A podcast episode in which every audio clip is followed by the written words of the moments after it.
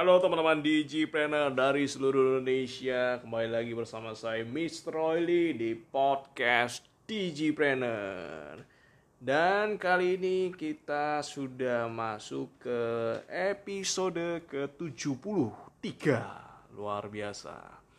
Episode yang sangat-sangat ini ya Hampir 100 ya 20 20-an episode kemudian nanti bisa jadi 100 episode.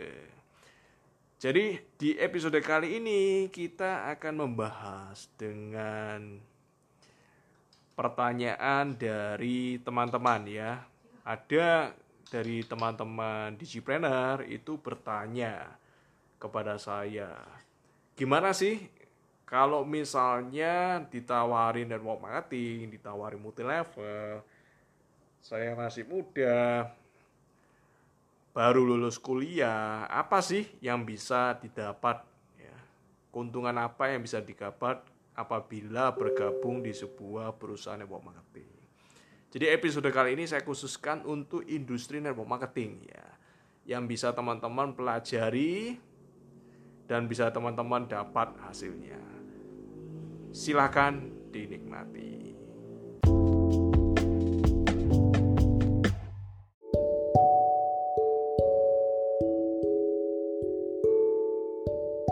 Di industri ya, industri network marketing, industri network marketing itu memang membantu ya, membantu membantu sekali kalau kita ini belajar langsung, belajar langsung berbisnis ya.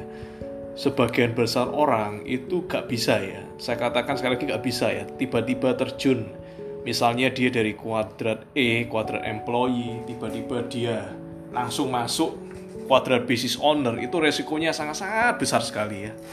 Udah banyak sekali kejadian, udah banyak sekali kasus yang tiba-tiba dia uh, pola pikir employee tiba-tiba buka bisnis gagal. Itu banyak sekali kasusnya. Dan gagal bukan cuma gagal doang, itu gagal dengan risiko. Resikonya banyak sekali, resiko modal, dia sangat pede, di, dijaminkan rumahnya ke bank, dia hutang ke bank, dia hutang ke saudara kiri kanan, akhirnya ketika dia membuka bisnis gagal. Itu sangat banyak sekali.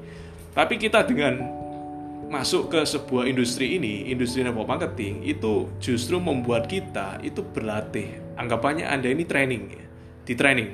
Training secara mindset, training secara pola pikir, karena bisnis Anda itu bisnis Anda sendiri. Bisnis Anda di network marketing itu bisnis Anda sendiri cara mengelolanya kurang lebih sama.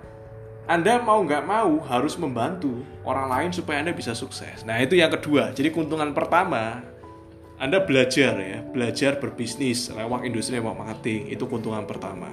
Keuntungan kedua, Anda hanya bisa sukses ketika Anda membantu orang lain untuk sukses. Itu yang kedua. Karena mau nggak mau ya, omset kita itu tergantung juga omset tim di bawah kita.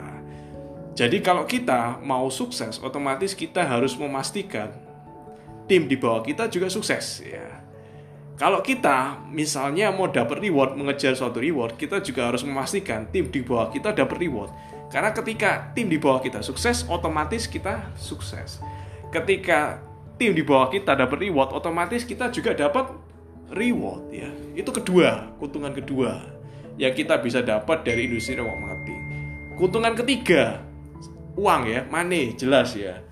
Di samping kita belajar, di samping kita bisa membantu help other people ya untuk sukses, kita juga dapat money ya di dalam prosesnya, dapat uang ya. Berupa bonus, berupa komisi, berupa reward dan banyak macam-macam ya.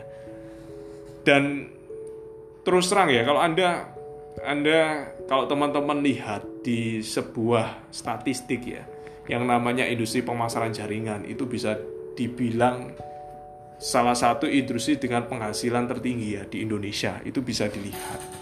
Jadi tiga hal itu ya Anda bisa dapatkan di industri network marketing. Secara pelajaran ya, belajar berbisnis Anda bisa dapat dari sini.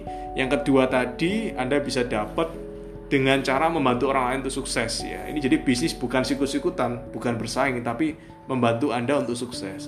Yang ketiga, Anda bisa dapatkan dengan cara Anda juga dapat money ya di dalam prosesnya. Saya yakin ketiga hal ini akan dapat membantu Anda ya untuk memahami industri network marketing ini seperti apa.